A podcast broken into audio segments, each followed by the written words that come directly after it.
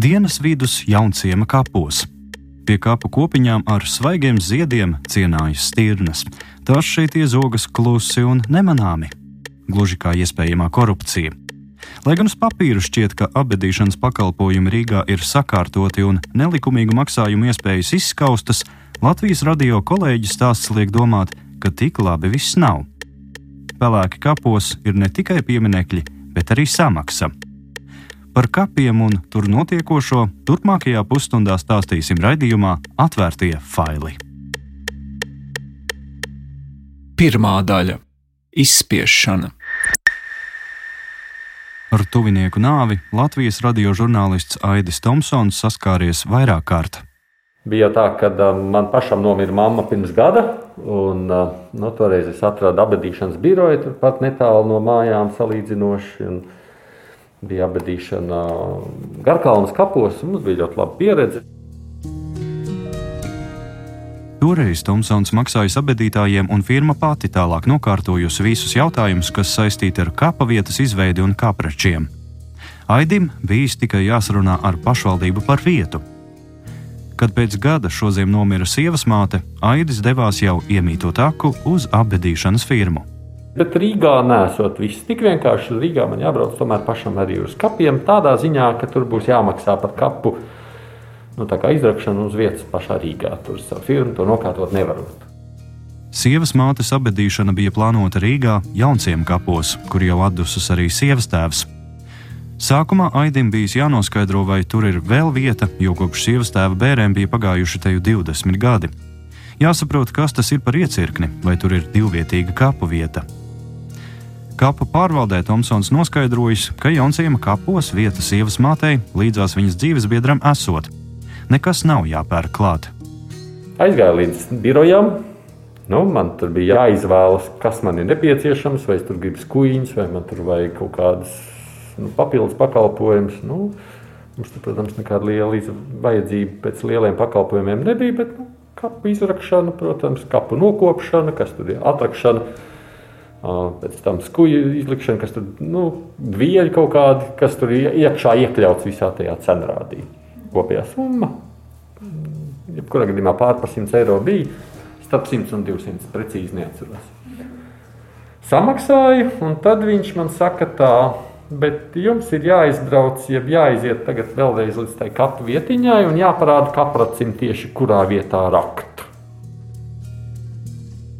Es nobrīnījos, jo man jau likās, ka viņi jau paši man iepriekš pateica, kurā vietā tā kapa vietiņa ir. Bet, nu, labi, nu, aiziesim, mēs bijām kopā ar sievu. Diena bija augsta, daudz sniega.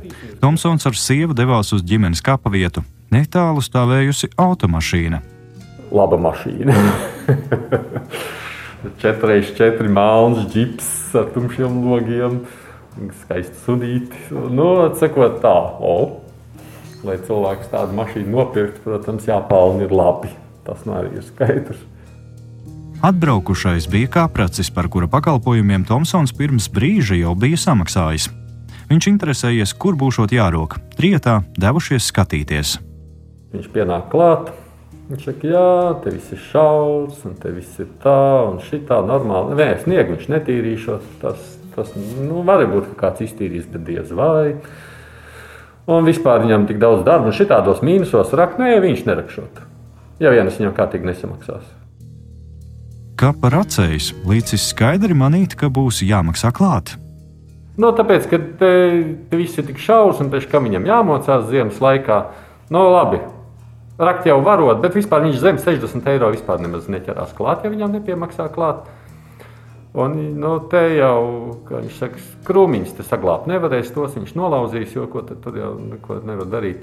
Te ir tas kapakmens, tur arī bišķi nāksies to bišķi pabojāt un vēl kaut ko.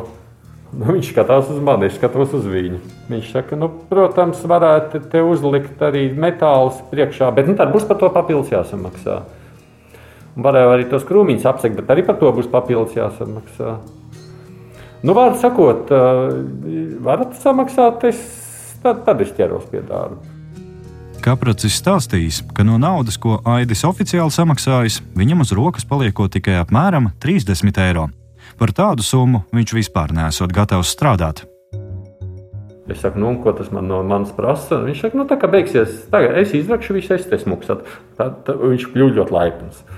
Viņš, tā, viņš šeit te smuku apsekšot, te viņš atnesīšot dēļus, un te viņš visu no, te viņš sniegu, gan jau te viņš notīrīšot to sniegu, te viss būs ļoti akurāti. Nu, tā kā bērns beigsies, tad viņš tur pats stāvēs blakus, lai es pieeju pie viņa, viņš gaidīs. Aprunājies ar sievu, Aidis nospriedis, ka būs vien jāmaksā. Bēru izdevumi pieauguši vēl par nepilniem 100 eiro. Bēru dienā kapracis bija izklāts.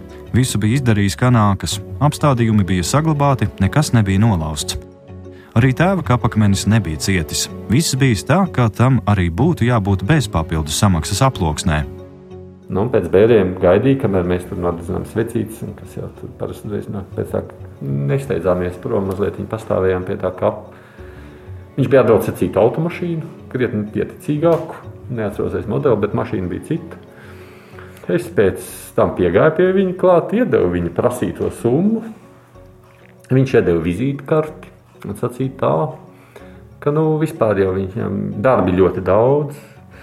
Bet nu, viņš varētu pēc tam to kapiņu ļoti skaisti sakopt. Un vispār tā, ka citi dara, tad nekas tur lāga nesanākot, bet viņš kopjot vislabāk. Sacījis, ka strādājot arī kapakmeņu nozarē un varot pārtaisīt gravējumu kapakmenim, pievienojot otra cilvēka vārdu, piedāvājis arī uzlikt marmora apmalītes. Vasarā gaidīšot aida zvanu. Nu, tā ir samaksājusi. Aizgāja, bet tā sajūta, protams, bija. Sajūta bija šķērma no tāda viedokļa, ka, ja tajā sākumā es nesapratu, kas notiek, pēc tam es, protams, nožēloju, ka man nav līdzi telefona un ka es neierakstīju to sarunu. Otrkārt, es, nu, es labi apzinos, ka tas jau patiesībā ir Es nezinu, nu, kukuls tas nav, bet tā ir tāda izspiešana. Ģimenei sievas mammas nāve bija negaidīta.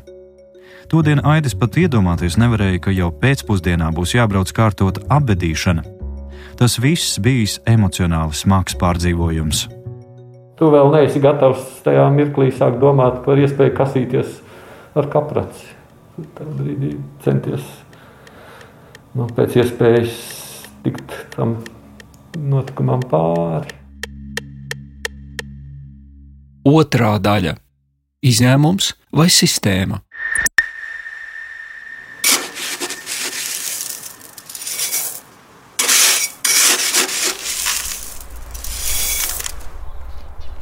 Jaunciema kapi Rīgā ir viena no diviem tā dēvētajiem atvērtajiem kapiem. Tas nozīmē, ka tur Pie apbedījuma vietas var tikt ne tikai tādas ģimenes kā Tomsoni, kuriem kāds no tuviniekiem jau šajā kapsētā atdusas. Šajos kapos apbedījuma vietu var saņemt arī tad, ja neviens tuvinieks pirms tam šajā kapsētā zemesklēpī nav guldīts. Bet mirušā pēdējā deklarētā dzīves vieta ir bijusi Rīgas pilsētas administratīvajā teritorijā. Ņemot vērā pandēmiju, pieprasījums pēc kapa vietām varētu būt liels, bet veids, kā pakalpojums praktiski tiek nodrošināts, liek domāt par sistēmiskām problēmām. Manuprāt, tā sistēma, acīm redzot, jau pašos Rīgas kapos ir uztaisīta tāda, lai šis darbotos. Man ir grūti iedomāties. Es domāju, ka viņš arī dalās ar to administrāciju, kas sūta uz to, lai mēs kopā to kapu apskatītu. Tomsons uzskata, ka viņa pieredzētais nav viens atsevišķs gadījums, bet vispārēja prakse. Vispirms no sērojošiem tuviniekiem oficiāli tiek paņemta nauda par kapa vietas izveidi, bet pēc tam viņiem ir jāmaksā vēlreiz par visu to pašu, neoficiāli uz rokas. Ja mēs redzējām, ka Garkalnē ir uztaisīts tā, ka tur vispār nekādas domas par tā ir laikam pat tāda novads skaitās nekādas domas par samaksāšanu pat nenāk prātā nevienam. Man pat neienāca prātā tajā brīdī, ka būtu kaut kas papildus jāmaksā. Jo es jau tāpat firmai maksāju, un es labi redzu, ko es maksāju. Tā summa jau ir četru ciparu skaitlis. Tā ir pār tūkstoši eiro. Zemāk nevienu apbērēt. Nu, tad vēl kādam papildus uz rokas šajos laikos maksāt papildus. Nu, tas, manuprāt, ir ļoti bēdīgi un Rīgā izveidot apzināti. Vai neoficiālu maksājumu pieprasīšana no sērojošiem tuviniekiem ir kapsēta pārvaldes darbinieku slēptais biznesa veids, Latvijas radio to līdz galam atšķetināt neizdevās. Jaunciema kapsētas pārzina ir Anita Balode. Uzzinājusi par mūsu interesi saistībā ar Tomsona minēto gadījumu, Balode detalizētākā sarunā neielaižas un iesaka zvanīt pārvaldes juristam. Savukārt jurists uz tālruņa zvaniem neatbildēja, un vēlāk neatbildēja vairs arī pati balode.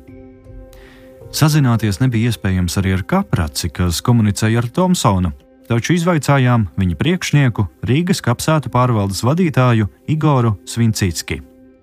Nu, ļoti slikti, jā, jo ja mums nav informācijas, mēs nevaram arī rēģēt uz tādiem gadījumiem. Tāpēc, nu, es aicinātu, protams, uzrakstīt kapsētu pārvaldību priekšniekam tieši man, un es garantēju, ka mēs noteikti veiksim pārbaudi, un ja tur apstiprinās šis fakts, protams, mums būs arī sekus arī rīcība. Mēs garantēsim, ka nekas ne ar kapavietu nekas nenotiks, un, protams, nu, ka izmeklēsim šo konkrētu vietu. Saskaņā ar Rīgas pašvaldības apstiprinātajiem maksas pakalpojumiem, nekas papildus tam, kas jau ir oficiāli samaksāts, kapračiem uz rokas nav jāmaksā. Visi kaprači arī ir kāpu pārvaldes darbinieki. Atalgojums viņiem tiek aprēķināts atbilstoši padarītajam. Lai arī algas nesot lielas, kapu rakšanā nodarbinātie turās pie amata un lielas kadru mainības nav.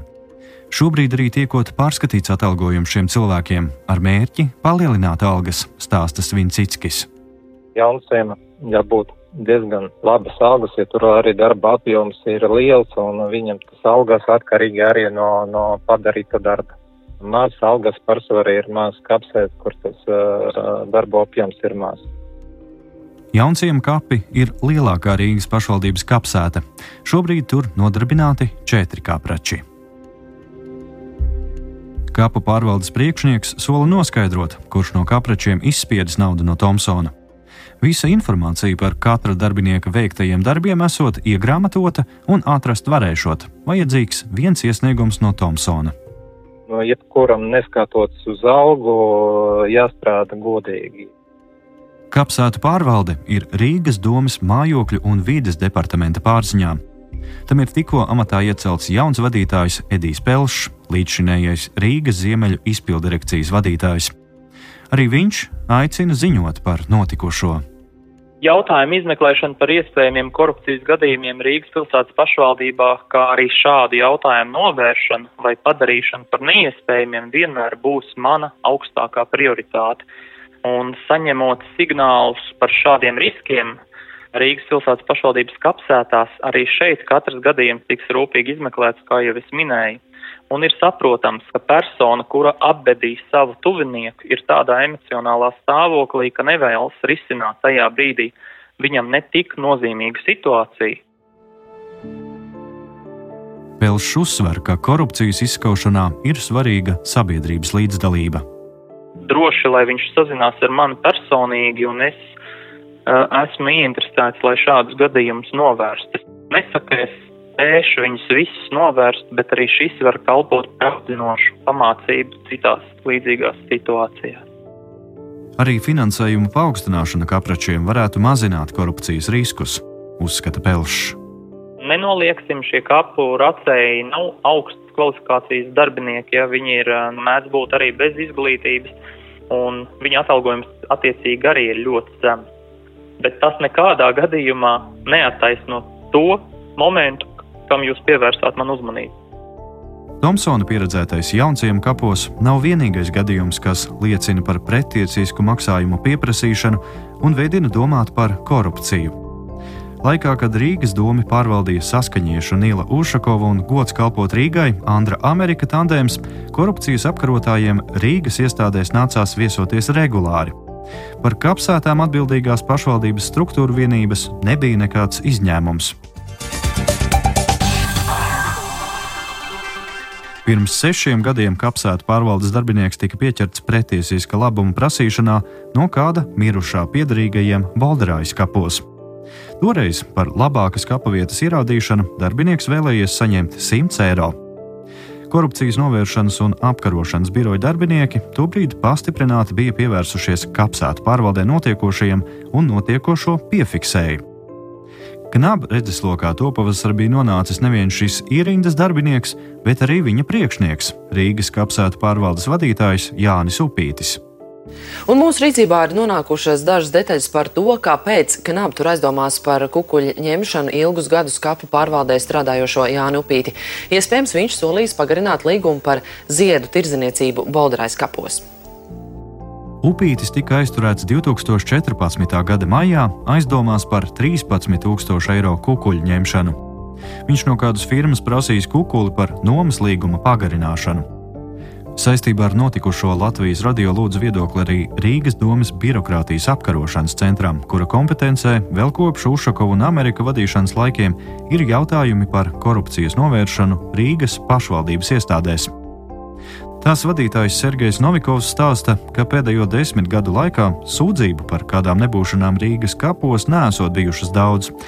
Nesen gan viena saņemta Pagājušā gada nogalē pie mums vērsusies viena persona ar iesniegumu par iespējamu korupciju pirmais meža kapus.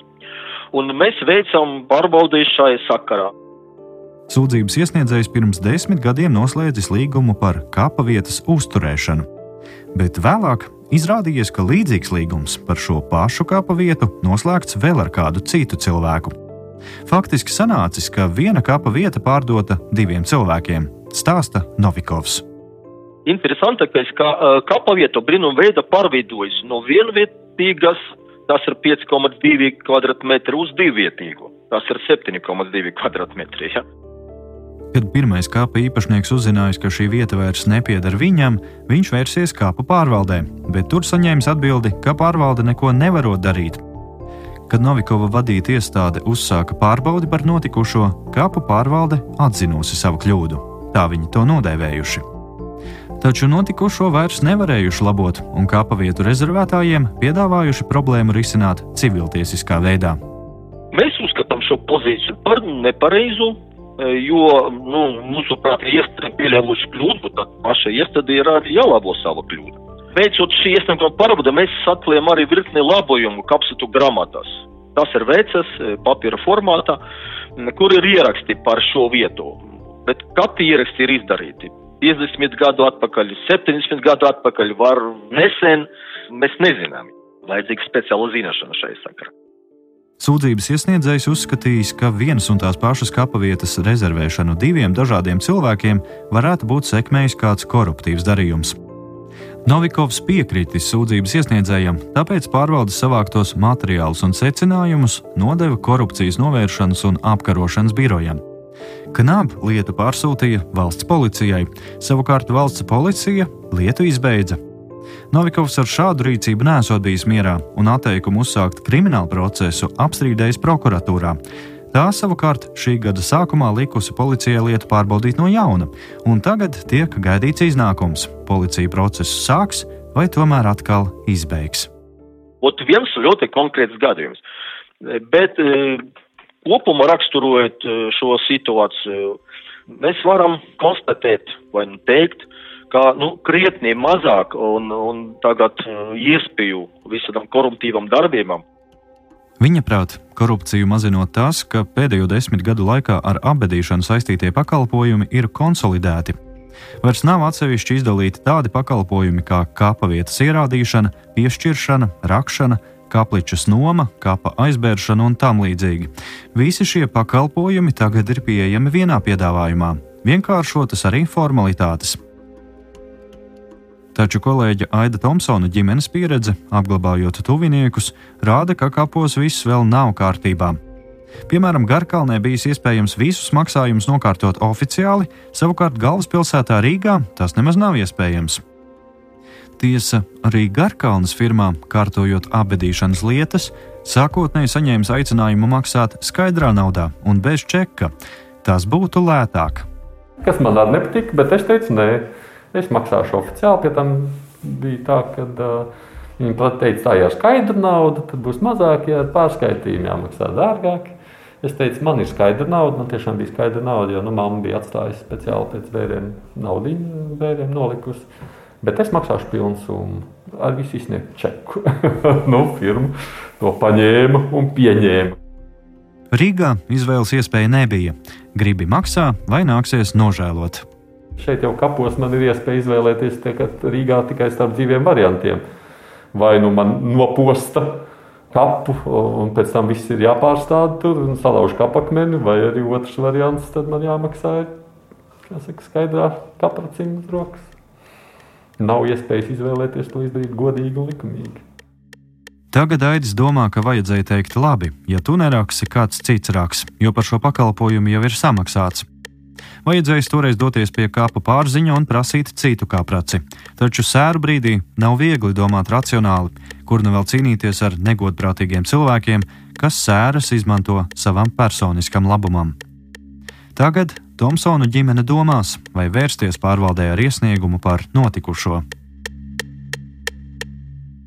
Trešā daļa - likums. Dievs, mēs tev palīdzību lūdzam.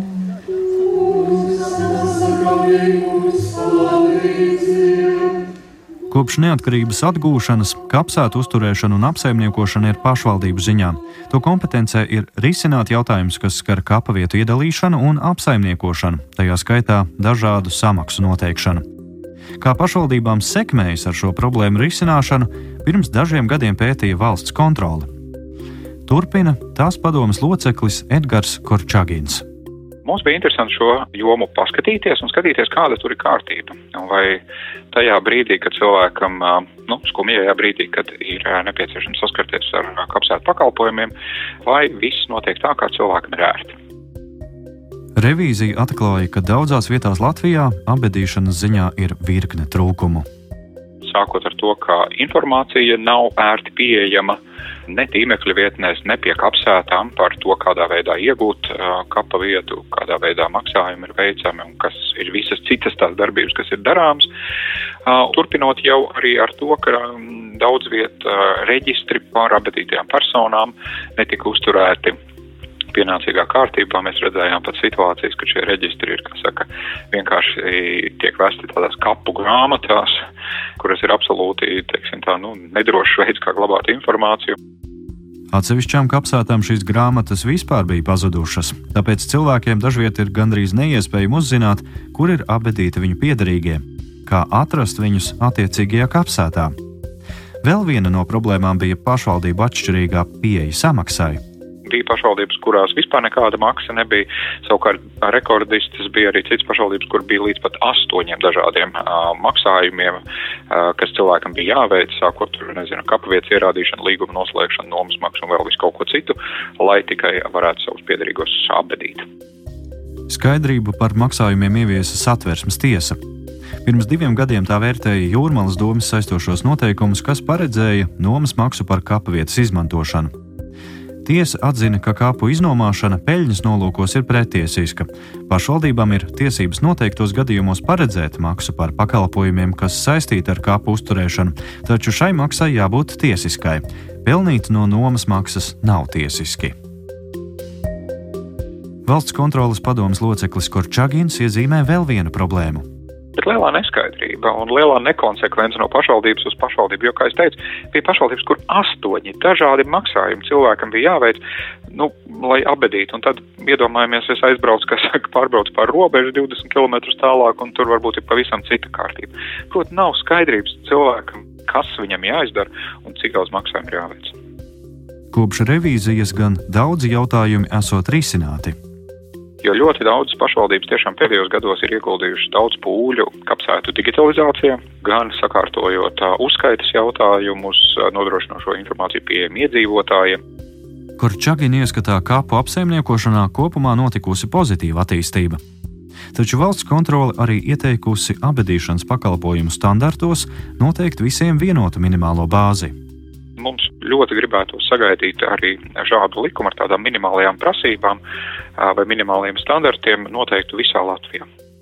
Un šāds likums top. Šobrīd vēl taisnība sakot, esam tikai tādā plāna stadijā. Viss, kas ir jādara, mums ir apmēram zināms, bet tas termiņš ir 23. gads, tāpēc tā ir rindas kārtībā pēc reformas pašvaldību likuma un tad būs kapja saka Vides aizsardzības un reģionālās ministrijas valsts sekretāra vietniece reģionālās attīstības jautājumos Ilze Oša. Vienots regulējums abedīšanas pakalpojumiem šobrīd nav. Tāda nav arī pašvaldību kapsētu izmantošanas un kapu vietas iegūšanas jautājumos. Tas reizēm rada atšķirīgu pieeju dažādās pašvaldībās. Atšķirīga ir arī pārabedīšanas kārtība. Daļa pašvaldību neveic apbedījumu kartēšanu un apbedīto reģistrēšanu. Tas rada problēmas, kuras risināt nākas arī gadiem ilgās tiesvedībās. Turpmāk šos jautājumus iecerēts risināt ņemot vērā arī satversmes tiesas lēmumu kapu nomas lietā. Tas nosaka, ka demokrātiskai tiesiskai valstī ir pienākums, regulējot ar miruša cilvēka abadīšanu saistītus jautājumus, aizsargāt cilvēka cieņu arī pēc viņa nāves tādi dažādi jautājumi, kas eh, vienā otrā pašvaldībā vai nu netiek risināti, vai tiek risināti atšķirīgi, dažreiz pārkāpjot šīs cilvēktiesības un dažreiz arī um, nu, nedodot pietiekami daudz informācijas. Jaunais likums arī regulēs, kurš un par ko ir atbildīgs gadījumos, ja kapavietu iekārtojums ir sabojāts. Vēl viens no gadiem neatrisinātajiem jautājumiem ir par abedījumu reģistrāciju. Arī to iecerēts risināt. Ir arī virsabadījuma veikšana, ko ir kādreiz strīdi par nekoptām sen pamestām kapu vietām, par kurām nav informācijas ne par personu, kas tur ir apbedīta, bet ir skaidrs, ka pēc vietas spriežot šī vieta nevarētu būt tukša, bet, bet ko darīt, kā par to jautājumu strādāt, informācijas publiskošana, nekopto kapu vietu apzināšanu un aktēšanu un, un tādas dažādas tiešām vienveidīgi risināmas lietas visā Latvijā. Likuma izstrādes procesā Vides aizsardzības un reģionālās attīstības ministrija sadarbosies ar pašvaldībām, iekšlietu ministriju un pilsonības un migrācijas lietu pārvaldi. Tiks uzklausīts arī nevalstisko organizāciju viedoklis. Aktīvu darbu pie likuma izstrādes plānots sākt pēc 1. jūlija. Šis termiņš nosprausts, jo ministrija vēlas dot laiku jaunizveidotajiem novadiem tikt vispirms iekšēji skaidrībā par to, kā turpmāk risināt šos jautājumus kā viņi redzētu no tā visa, kas viņiem ir, no tās saimniecības, lai viņi nonāktu līdz tam vienotam redzējumam un tad aicināt arī apzinot, kāds tad tas vienotais regulējums un redzējums ir, aicināt tālāk jau strādāt, kas tad būs no valsts puses noteikts un cik tālu viņiem ir nepieciešama tā viņu autonomija tieši savai teritorijai. Jaunais likums varētu risināt daudzas gadiem iesīkstējušas problēmas kapa pārvaldībā, taču tādas sērgas izskaušanai kā pretiesiski maksājumi nepieciešami citi risinājumi. To izskaušana ir gan korupcijas apkarotāju, gan arī Rīgas jauno saimnieku rokās.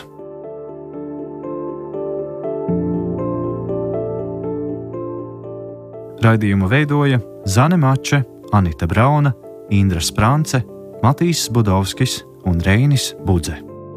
Atvērtie faili!